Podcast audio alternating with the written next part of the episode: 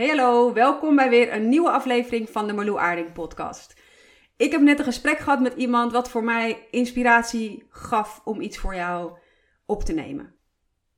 Dat gesprek ging over blijven staan op het punt waar je staat. Voor je gevoel niet vooruitkomen, in cirkels blijven lopen. Voor je gevoel van alles doen en toch het gevoel hebben dat je geen stappen vooruit zet.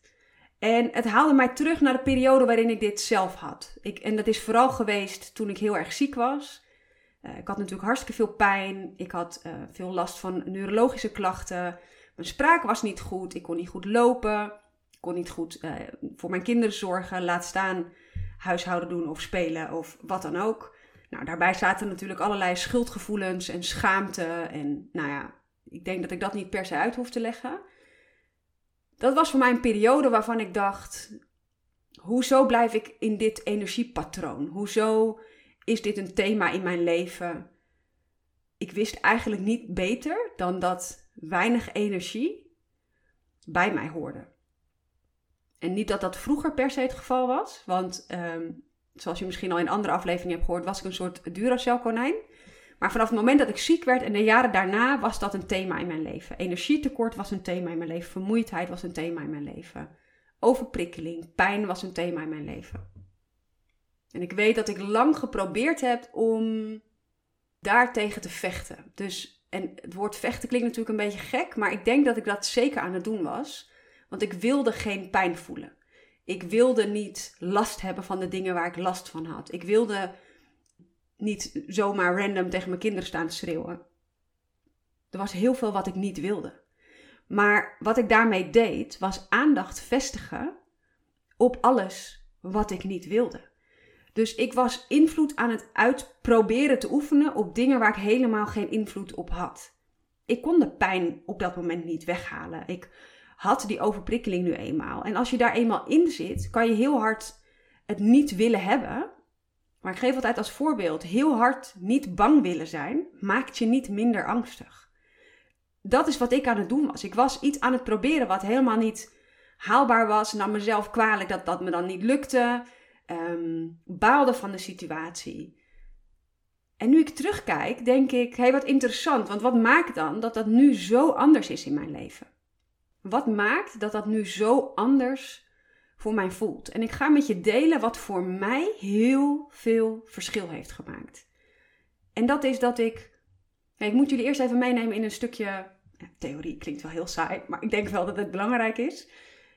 Op het moment dat jij, laten we zeggen, je hebt 24 uur in de dag. En gemiddeld genomen slapen we daar 8 uur van. Dan ga ik even uit van een gemiddelde.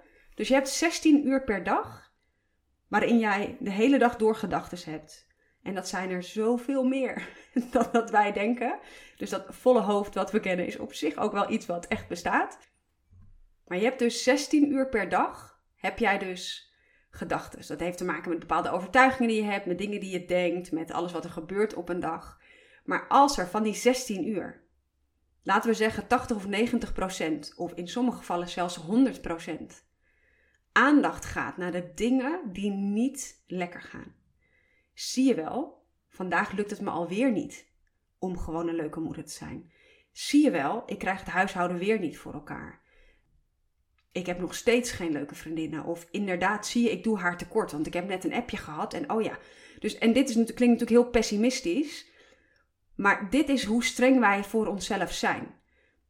En ik vind dat echt shocking als je daarover nadenkt. Hoe streng wij voor onszelf zijn. We veroordelen onszelf de hele dag. We voelen ons schuldig over alles wat er niet lukt. Soms schamen we ons zelfs voor bepaalde uh, dingen. We hebben altijd de indruk dat het andere beter afgaat dan onszelf. We hebben de hele dag zo'n streng stemmetje in ons hoofd wat ons constant vertelt. Whatever. Je kijkt naar je lichaam bijvoorbeeld. Je kijkt naar beneden en je denkt: Oh ja, jeetje, ja, mijn buik wordt inderdaad wel heel erg eh, dik of flubby of wat dan voor jou ook uh, het geval is. Het kan zijn fysiek. Maar het kan ook zijn in hoe jij reageert of iets wat je nog steeds niet voor elkaar hebt. En uh, we hebben vaak een oordeel over alles wat we doen of alles wat we niet doen. En dat is veel groter dan dat ik dat nu omschrijf. Maar ik realiseer me donders goed, en jij waarschijnlijk ook, dat hoe jij over jezelf denkt en hoe jij tegen jezelf praat, dat je dat nooit, maar dan ook echt nooit, tegen een vriendin of tegen je kind zo zou doen. En dat is dus interessant, want het oordeel dat wij naar onszelf hebben, de hardheid, is echt immens. En ik vertel het en ik, ik vind dit zo heftig als ik erover nadenk. Ik had dit ook enorm. En weet je, er worden natuurlijk heel veel dingen om je oren eh, gegooid. Hè, van nou ja, zelfliefde is zo belangrijk. Maar dit is echt wat het is. Er zit zoveel ruimte voor groei naar onszelf toe qua mildheid, qua uh, qua lief zijn voor jezelf. Qua jezelf een keer op je schouders kloppen en denken: You fucking did it. Weet je wel? Want hoe grappig is het dat wij onszelf wel vertellen. En ik blijf in het was-voorbeeld, uh, omdat dat blijkbaar voor mijn thema is. Hoe vaak we onszelf vertellen, zie je wel, er was er weer niet bij. Oh my god, weet je, dat stapelt maar door. En maar waarom zeggen we nooit tegen onszelf: Wauw, het is al vier dagen gelukt? Vier van de zeven. Nee, we vergroten die drie dagen uit waarop het niet gelukt is. En dit is natuurlijk met alles. We vergeten hoeveel onze kinderen aan ons hebben, hoe blij onze partner met ons is, hoe blij je vriendinnen met je zijn of hoe jouw leven er dan ook uitziet. Dat vergeten we allemaal omdat we onszelf vertellen: wat heeft mijn man of vrouw nou aan mij als ik steeds zo snel of een kort lontje heb? Jeetje, wat voor moeder ben ik als ik nu net gewoon tegen mijn kinderen heb staan schreeuwen? En dat gaat maar door in ons hoofd dan. Hè? Dat wordt dan een soort groot ding. En dat oh, zie je wel. En je ziet je kinderen later al bij een psycholoog zitten. En misschien wel EMDR-therapie. Omdat ze getraumatiseerd zijn door jou als moeder. En nou ja, dat wordt heel groot in ons hoofd. En ik, dit klinkt natuurlijk een klein beetje overdreven. Maar dit is letterlijk hoe het bij mij ging. Ik dacht echt dat ik dan de slechtste moeder ever was. En het was dan Filmar die tegen mij zei... Heel even, Marlou. De hele dag ben je geduldig... Um, je bent uh, pedagogisch heel erg sterk. Dit is wat je met de kinderen hebt gedaan. En dan sta je één keer tegen je kinderen te schreeuwen, omdat jouw lontje ook gewoon op is na zo'n dag. En dan vergroot je dat alleen maar uit. En dat is wat wij vaak doen.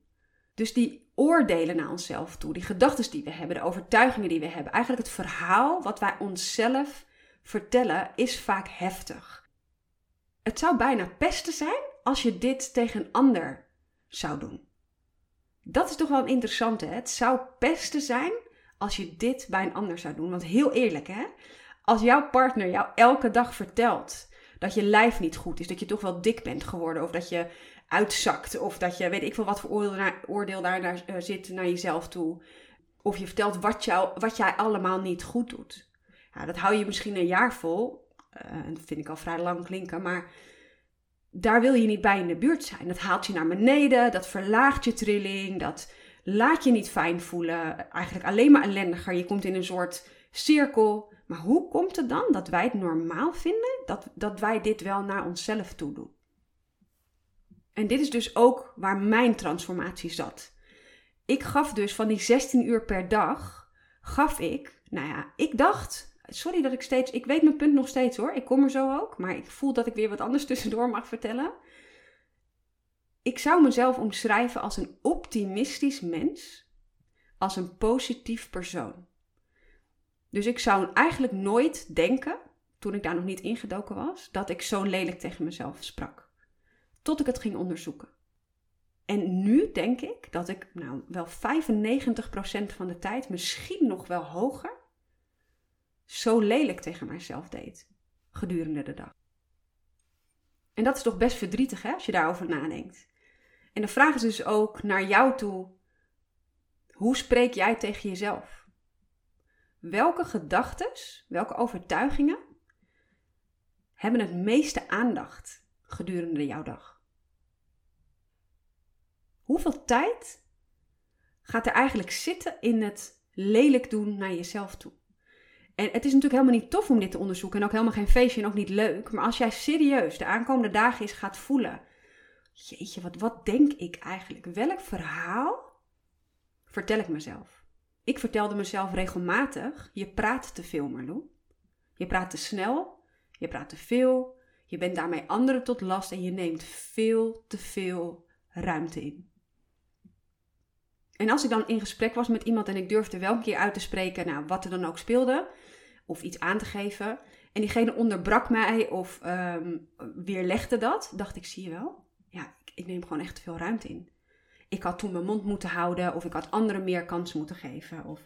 En dit ging de hele dag door. Dit zijn de dingen die wij onbewust doen, maar die je bewust kunt maken. En als jij dus kunt kijken naar hoeveel aandacht er gaat naar deze minder fijne, niet helpende gedachten en niet helpende overtuigingen, dan snap je ook waarom je staat waar je nu staat en waarom je niet bent waar je zou willen zijn. Want we roepen allemaal dat we anders willen, hè? dat we meer energie willen en dat het ons zo lekker lijkt als we ook veel geld verdienen of als we, nou ja, bedenken het waar we het allemaal aan koppelen. Maar als wij van die 16 uur per dag, nou laten we zeggen 14 of 15 uur per dag onszelf vertellen wat er allemaal niet goed aan ons is, of wat we anders hadden moeten doen, dan is het natuurlijk ook niet zo gek. Hè? Als je het hebt over wat je aandacht geeft groeit. Nou, wat krijgt er dan het allermeest aandacht in jouw leven? Precies. En misschien is het wel even leuk om te delen dat ik uh, dit ook echt met geld heb gehad. Ik heb heel lang. Um, we hebben ook echt een tijd geldzorgen gehad. Laat ik dat even meteen uh, benoemen en ook in alle eerlijkheid benoemen. Ik heb heel lang issues gehad met geld. Dat er eigenlijk altijd te weinig was. Dat was feitelijk gewoon de boodschap. En dat kwam niet omdat ik een gat in mijn hand had en uh, eeuwig shopte of whatever. Maar er was altijd een soort strijd met kan ik dit wel betalen en dat en hoe doe ik dat dan? En tot ik ging ontdekken wat ik eigenlijk vertelde aan mezelf. Of wat ik aan overtuigingen had. En er zaten bij mij overtuigingen op dat rijke mensen niet leuk waren. Want ik kende iemand die rijk was. En dat was geen prettig persoon. Uh, iemand die heel dichtbij stond ook. Dus mijn overtuiging was: veel geld hebben betekent dat je geen tof persoon bent. Mijn moeder had heel weinig geld vroeger. Um, en hechtte bijvoorbeeld heel veel waarde aan, whatever, met, de, met elkaar picknick in het bos. En riep dan ook altijd: Je hebt geen geld nodig om gelukkig te zijn. Nou, had ze nog een overtuiging. Dus alleen die twee al, als je daarover nadenkt. Aan de ene kant vond ik rijke mensen dus niet oké. en aan de andere kant zei ik ook, ik heb geen geld nodig om uh, gelukkig te zijn. Maar ik had eigenlijk nog veel meer overtuigingen over geld. Ik dacht constant in tekorten. Bij alles wat ik uitgaf, bij alles wat ik wilde doen, dacht ik, ja, maar dat, dat kan ik helemaal niet. Terwijl als je iets echt wil, dan kan het. En voor mij was dat het bewijs. Ik heb vorig jaar heb ik een coachtraject gekocht. Is dat vorig jaar geweest? Nee, nog niet eens een jaar geleden. Minder dan een jaar geleden. Heb ik een coachtraject gekocht bij een coach. Nou, dat was voor mij echt een rip uit mijn lijf. Ik, ik ga het gewoon het precieze bedrag benoemen. Het was 5.555 euro voor een coachtraject van drie maanden. En daarbij moet ik even vertellen dat ik een jaar daarvoor, of anderhalf jaar daarvoor, nog echt heel erg lang na moest denken als ik iets voor mezelf kocht of überhaupt in spullen, want dat, dat deed ik sowieso al niet. Maar zelfs in, ik heb daarvoor ook een keer een coachtraject gekocht. Nou, dat was volgens mij toen 300 euro. Nou, dat vond ik zoveel geld en dat had ik toch niet. En, en die 5000 euro had ik ook niet. Dus ik had kunnen zeggen, nee, ga ik niet doen. Maar ik wilde dit. Ik wilde dit echt. En toen dacht ik, ja, ik moet dit bij elkaar gaan krijgen. Ik moet dit gaan manifesteren. Ik moet hier ruimte voor gaan maken. En het grappige is, dat ik nu ik terugkijk, kan ik dus zeggen, ik had gewoon die 5000 euro over. En voor een ander zou je dan kunnen zeggen, ja maar hoezo, dan, dan had je het toch? Ik had het niet liggen, ik had het niet op mijn spaarrekening, maar ik heb het wel bij elkaar gekregen. En dat is een interessante, want als je dus iets wil, dan kan het dus, dat is het eerste. Maar het tweede is interessant, omdat ik een tijdje daarna weer dacht, ja maar ik heb helemaal geen geld. Toen dacht ik, ja, maar dit kan ik toch niet meer zeggen? Als ik nu net een traject heb gekocht van 5000 euro, dan kan ik mezelf dat toch niet vertellen nu? Maar ik bleef mezelf dat vertellen. En ik ben echt in mijn money mindset gedoken. En ik werd aan alle kanten bevestigd dat veel geld verdienen, dingen kunnen ontvangen, dingen kunnen geven zonder daar een schaarste gedachte bij te hebben. Nou, dat ik echt dacht, ik snap wel waarom mijn money mindset een ding is geweest. En ik groei daar nog steeds in. Dat is niet perfect nu. Dat is ook niet een soort van gefixt. Ik ben daar heel bewust mee bezig en daar groei ik in. Maar ik deel dit met je omdat dit dus kan. Dat je dus ergens induikt en er dan pas achterkomt hoe beperkt jouw overtuigingen zijn. En als ik hem nog iets verder trek, was ons hele gezin vier mensen, Vilmar en ik hebben samen twee kinderen, bestond uit energietekort. En dat is interessant, hè? Dat, ik vind het zelfs heel kwetsbaar om te delen, omdat ik. Um, ja, ik weet, ik weet eigenlijk niet waarom. Het voelt gewoon heel kwetsbaar.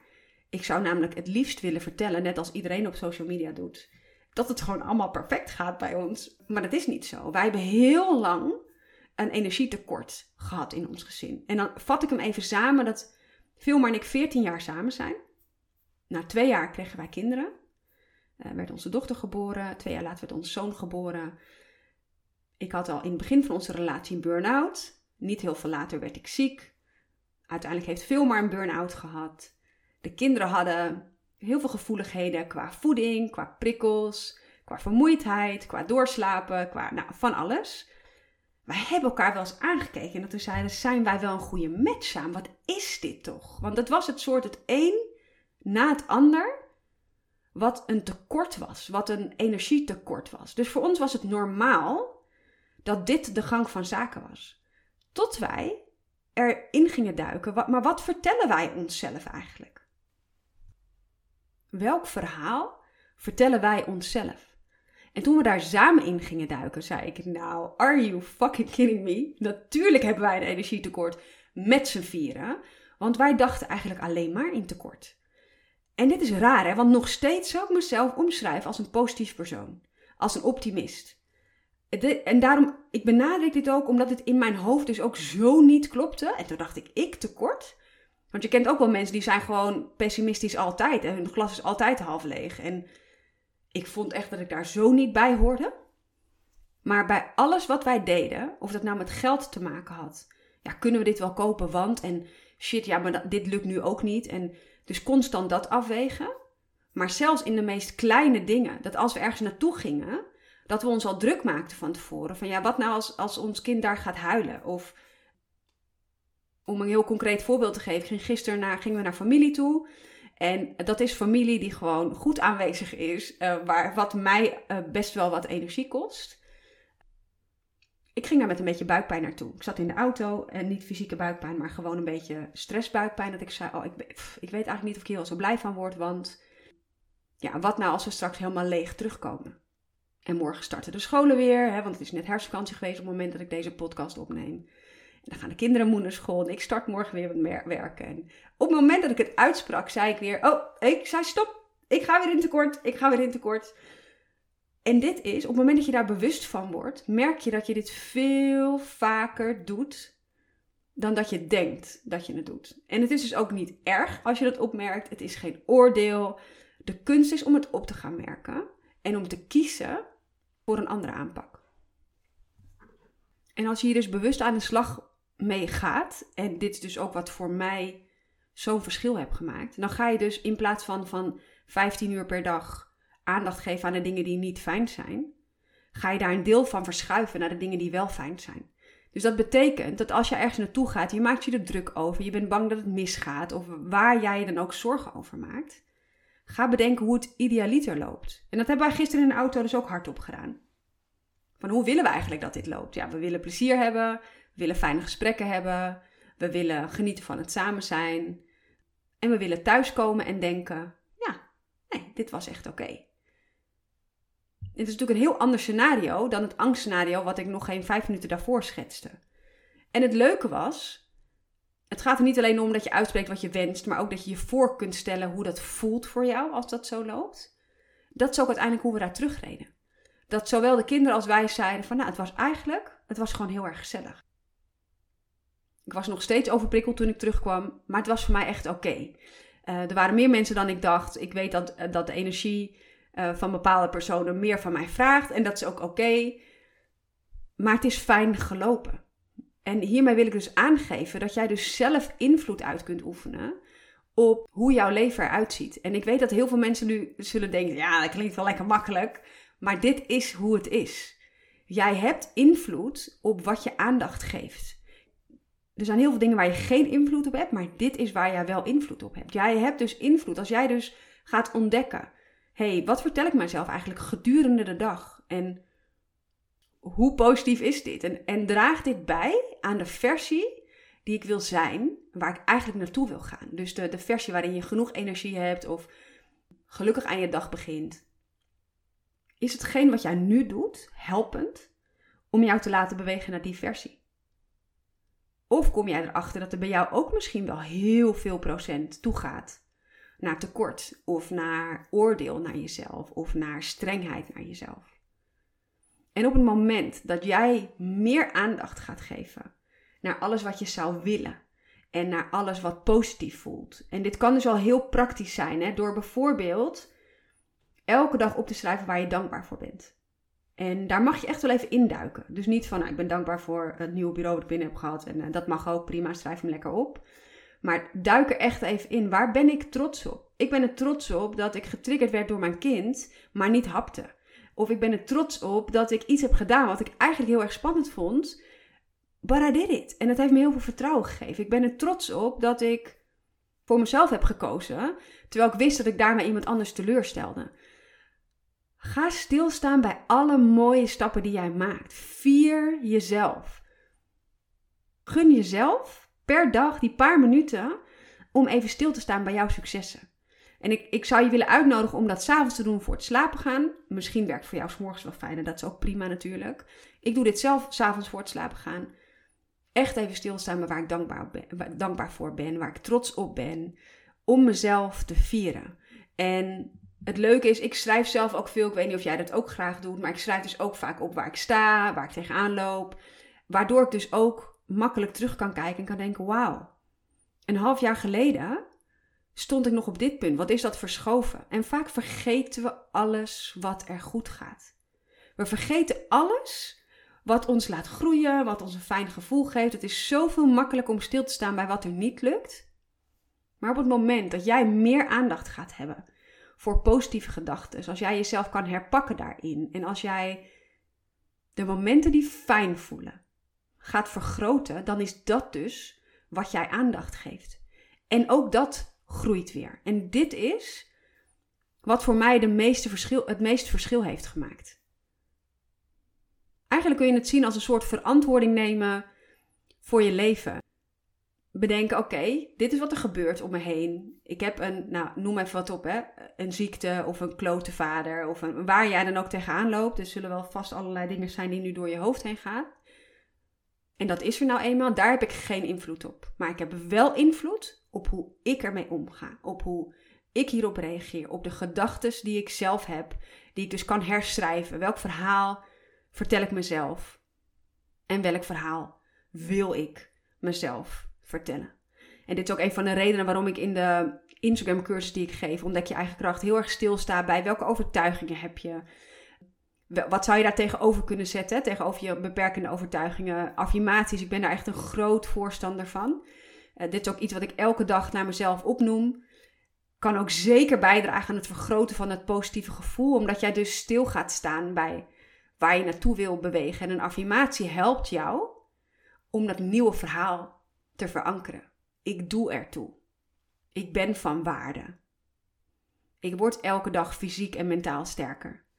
In plaats van, want ik weet echt nog heel goed dat toen ik ziek was, dat ik echt dacht: oh my god, die pijn is er weer. Hoe ga ik daarmee om? Oh shit, de vorige keer duurde drie, vier weken. Hoe help? Meteen in die angstmodus. En het is allemaal begrijpelijk, hè? Want ik neem het mezelf ook niet kwalijk. Ik hoop dat jij jezelf ook niet kwalijk neemt wat je wel aan angstgedachten hebt gehad. Die dingen zijn er met, al die gedachten zijn er met een reden geweest.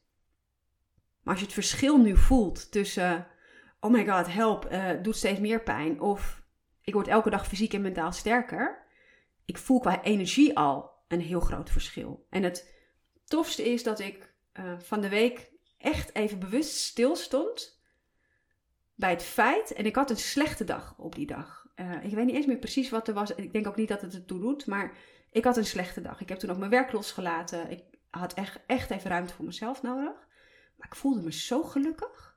En dat is natuurlijk zo raar om te zeggen. Want dit kende ik vroeger helemaal niet. Maar ik voelde me zo gelukkig, omdat ik gewoon denk en ook voel en vooral ervaar dat ik steeds beter om kan gaan met dit soort dagen. En dat ik steeds milder daarin ben naar mezelf toe. En dat het niet meer alles overheersend voelt, maar iets waar ik gewoon mee kan dealen. En dat ik zelfs op zo'n rotdag, of het nou fysiek of mentaal is, want ik heb ze dus ook gewoon nog steeds. Ik ken ook niemand die ze niet heeft, dus laat die illusie maar meteen eh, van tafel geveegd worden. Ik dacht namelijk vroeger dat je alleen maar heel gelukkig kon zijn en heel erg in balans als alles een soort van in harmonie was. Uh, ja, zo werkt het niet. We hebben allemaal mindere dagen en die mindere dagen leer je altijd wat. Het zijn altijd een soort groeimomenten. Maar ik vind het zo fijn dat ik op die dagen nu ook echt kan denken: oh wat lekker, ik neem gas terug, ik voel wat ik nodig heb, dit is waar ik op in kan spelen. Waardoor mijn herstel sneller is, maar vooral ik minder oordeel naar mezelf heb. Waardoor dus, als je dus hebt over wat vertel ik mezelf op zo'n dag. Voorheen zou ik op een slechte dag zeggen: zie je wel, uh, je bent weer over je grens heen gegaan. Of um, jeetje, moeten jouw kinderen het weer doen met hun moeder zonder lontje ongeveer? Of nou, wat ik dan ook dacht. En ik, ik geef nu gewoon maar even random voorbeelden, maar ik weet nog wel dat al die dagen echt vervuld waren met balen en vechten. En hoe lang zou het dan duren en met angst. En of daar dus nu tegenover hebben dat ik daar dus oké mee ben. En ik dus hele andere gedachten heb op zo'n dag. En kan bedenken, echt een soort gesprek met mezelf aangaan van... joh, wat heb je nodig? En ik zeg er nog net geen lieverd achter. Maar dat is wel de mildheid die ik echt voel naar mezelf op dit moment. En wat wil dit mij vertellen? Waarom heb ik fysieke klachten? Of Zit er een les in voor mezelf? Of mag ik gewoon echt even puur mijn voet van het gaspedaal afhalen? En daarin meeveren. En daarin dus nog steeds bedenken: oh, wat voor genietmomentjes kan ik voor mezelf creëren vandaag? Wat kan ik voor mijzelf doen om deze dag fijn door te komen? En op het moment, dit klinkt natuurlijk heel makkelijk hè, om dit in één podcast op te nemen. Dit gaat niet over één nacht ijs. En dit is geen quick fix. Dit is niet iets wat ineens ontstaat. Maar iets waarvan ik nu wel kan zien, nu ik hier sta, en als ik zie waar ik vandaan kom, denk ik: wauw, het is voor mij letterlijk 180 graden veranderd. En het geeft me houvast, het geeft me richting, maar het geeft me vooral het gevoel dat ik aan het roer sta. Ik heb hier invloed op. Ik heb invloed op alles wat ik zelf kan doen met mijn gedachten, met mijn overtuigingen, met hoe hard ik naar mezelf ben. Dit is uiteraard natuurlijk ook de reden waarom ik nou, wanneer is dat geweest? Anderhalf jaar geleden. Dus begin 2020 heb ik de Instagram-cursus Ontdek je eigen kracht opgezet. Dit is hier allemaal in, echt in verweven. Omdat ik het zo belangrijk vind dat jij stap voor stap kunt bewegen naar de toekomst waar jij naartoe wil bewegen. Uh, en dat, dat, dat moet ook stap voor stap. Want het is niet iets waardoor je op een knopje drukt en dat in één keer gefixt is. Maar ik wilde daarvoor een hele praktische cursus maken. Waarin je echt aan de slag gaat met hoe buig je bepaalde gewoontes om die je hebt. Welke nieuwe gewoontes kun je toevoegen? Hoe voorkom je dat je terugvalt in oude patronen? Hoe ga je eigenlijk dat verhaal herschrijven voor jezelf? Dus ik vind het ook super tof dat dit precies is waar ik jou mee mag helpen. En wat zo ook vaak naar voren komt in de coachtrajecten die ik geef. Ik coach vrouwen die er klaar voor zijn om het roer om te gooien. Omdat zij voelen dat ze het zo anders willen, zichzelf aandurven kijken en ook echt denken: ik wil weten wat ik kan doen om meer in mijn kracht te staan. Iemand die zichzelf aandurft te kijken, die in de spiegel durft te kijken, patronen durft te onderzoeken, wat lang niet altijd comfortabel is, maar je kunt je eigen verhaal herschrijven. Je kunt nieuwe en het is echt neurologisch aangetoond. Ik weet nog dat ik ging revalideren in 2014. En daar hadden ze het over, ik moet altijd even bedenken, oh ja, neuroplasticiteit. Ik moet altijd even bedenken hoe dat heet. Maar het gaat erom dat er bepaalde patronen in jouw systeem zitten die bijna een soort ingegroefd zijn. Maar je kunt dus nieuwe weggetjes aan gaan leggen. En daarmee vervagen de oude. Dus wij zijn vaak bezig om die oude te veranderen of om dat weg te willen hebben. Maar als jij je focust op het nieuwe, vervaagt het andere. Als jij je aandacht verlegt naar alles wat jij wil en waar je naartoe wil werken en naar de positieve dingen, worden de negatieve dingen sowieso minder, want daar is minder ruimte voor. Dus ik wil je ook uitnodigen om bij jezelf te voelen: wat heb jij nodig om hierin stappen voor jezelf te zetten? Wat heb jij nodig om te bewegen naar het leven wat voor jou belangrijk is? En maak het klein voor jezelf, maar neem wel een stap. En dat kan zijn dat je aan de slag gaat met, met dankbaarheid om dat elke dag voor jezelf op te schrijven. Dat kan zijn dat je zegt, nou, ik ga inderdaad de aankomende dagen eens onderzoeken welk verhaal ik mezelf eigenlijk vertel. Welke gedachten heb ik eigenlijk? Hoe praat ik tegen mezelf? En misschien wordt jou dan wel inzichtelijk, Nee, misschien wordt het dan gewoon wel iets inzichtelijk voor je. Dus ga dat onderzoeken voor jezelf als dat iets is wat bij jou past.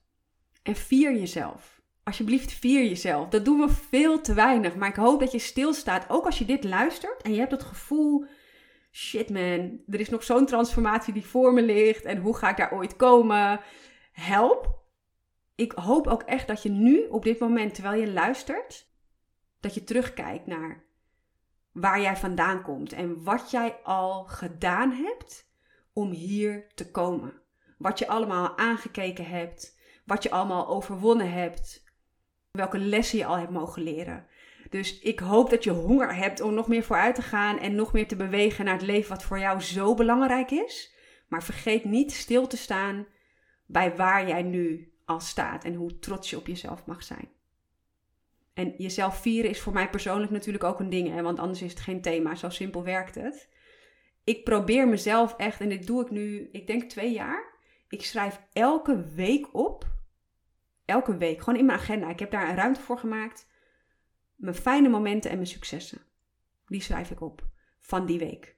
En in het begin moest ik daar echt voor graven en over nadenken. En nu als er iets tofs of fijns gebeurt, schrijf ik het meteen op. Waardoor ik aan het einde van de week altijd kijk, wauw, wat een lijst. Terwijl als ik stilsta bij wat er niet goed gegaan is, dan is mijn week veel ellendiger.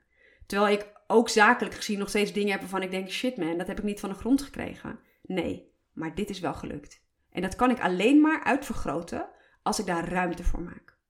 Dus voel voor jezelf wat jij nodig hebt om vooruit te bewegen. Ik wil je bedanken voor het luisteren. Ik vind het super tof als je me even laat horen dat je luistert. Maak even een screenshot. Plaats die in stories en tag me of stuur me even een DM. Ik vind het altijd onwijs leuk om te horen dat je luistert, maar ook of je er iets, mee, uh, of je er iets uitgehaald hebt of iets mee gaat doen. Keep me posted en tot in de volgende podcast.